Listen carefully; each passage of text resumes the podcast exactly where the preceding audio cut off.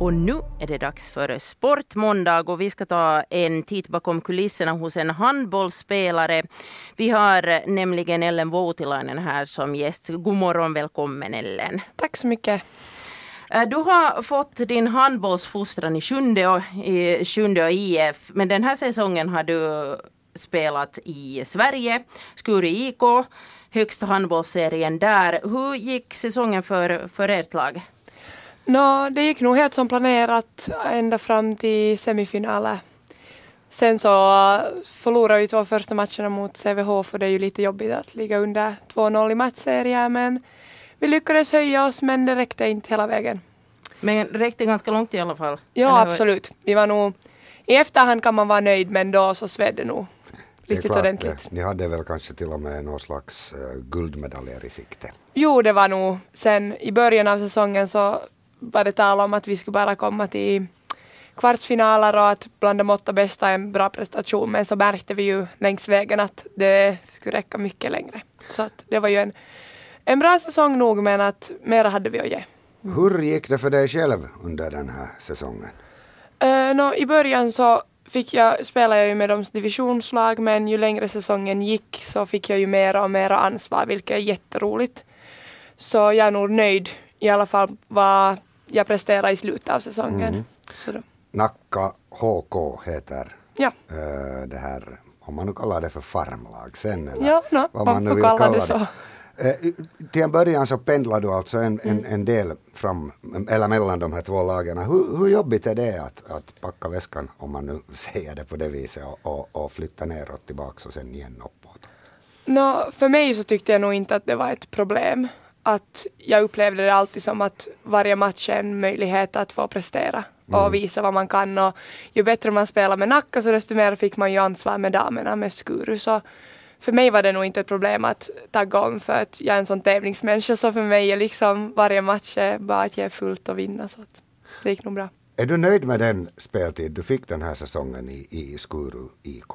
Ja, den som jag fick där mot slutet av säsongen är jag jättenöjd med att inte hade jag, man, man vågar ju inte förvänta sig när man kommer ny och ung till ett lag. Mm. Så det var roligt att de började lita på mig och sa att jag faktiskt kan prestera också. Jag minns i vintras när du var här så då pratade vi om det här hur du har blivit mottagen där och det, mm. det har väl varit endast trevligt hela vägen. Ja, det har nog inte varit något problem att de har varit jättetillmötesgående och förstående och om det har varit så att man har något behov att komma till Finland så har det inte varit ett problem. Att mm. Det går nog alltid att fixa bara man i god tid diskuterar det med dem. Och de här äldre rävarna i Skuru, Skuru IK så har inte armbågar på på träningarna heller.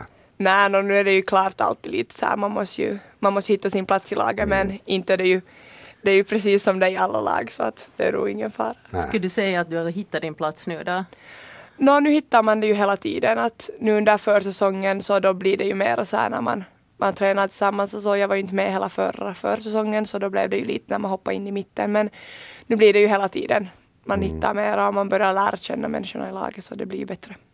Som de mest kvicktänkta har märkt så är det ju faktiskt sommar nu och varmt och trevligt och sommarpaus ja. i handboll också. Mm. Eh, vad gör Ellen Voutilainen under sommaren? Nå, tränar, jobbar, är hemma i Finland och är med dem som man vill vara med. Mm. Vad jobbar du med? Jag jobbar i en simskola i Sjundeå.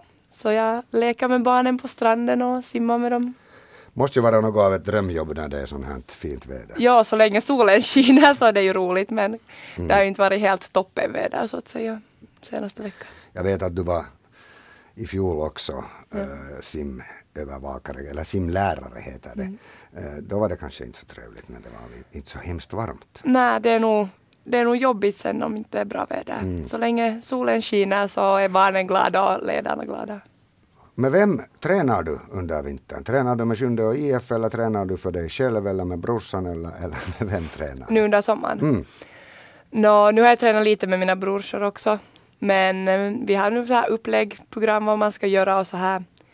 Så nu tränar jag mig själv och med mina brors, brorsor och lite sånt. Mm, låter bra. Ja. Här lönar det sig inte att träna numera för nu är det för sent för nu ska vi ta en liten timeout och vi har Eller Voutilainen, sjunde och fostrad numera Skuru IK-spelare som gäst och vi snackar givetvis handboll. Veckans sportfråga handlar också om handboll och den lyder på det här viset. Hur många FM-guld på seniornivå har Sjunde och IF vunnit genom tiderna? Och då talar vi om herr och damlaget. Sammanlagt hur många? Alternativen Veronica fick är A 8, B 11, C 14 eller D 17 FM-guld. Och nu har hon faktiskt klurat fram rätta svaret. Rätt svar är B11. Mhm, du säger så har du någon motivering till Nej. det? Det behöver inte du ha heller. Eller Voutilainen, vad tycker du om det här svaret? No, om jag skulle säga bara så här på rak arm så säger jag också 11. Men jag ser de här vimplarna framför mig i hallen och jag får inte till 11 i antal. Mm. Så vad svarar du? Men jag svarar 8 men jag skulle vilja det. Ja. Du väljer A, 8. Ja. Nå, det var bra att du hade koll på det här för det är ju åtta stycken förstås. Det är nämligen så att Sjundeås herrar har vunnit fyra guld Ja. och damerna har vunnit fyra guld. Just det. Sammanlagt har Sjunde och de här två lagen har vunnit 34 medaljer i FM eller FM-serien, FM-ligan. Och jag tycker det är jättebra det. Ja. Men oberoende fortsätter programmet och vi pratar då alltså om med Ellen Voutilainen om hennes tid i Skuru IK. Hon var en halv säsong egentligen, eller lite mer än en halv säsong nu i, i fjol och nu fortsätter eh, du där i Skuru IK. Hur ser du på den här kommande säsongen? Vad, vad förväntar du dig? Nå, förhoppningsvis så får jag spela på samma sätt som jag spelar hittills så, och jag kan utvecklas och bli en, liksom, få en säker plats med laget och så här. Ordinarie plats, är det din målsättning där?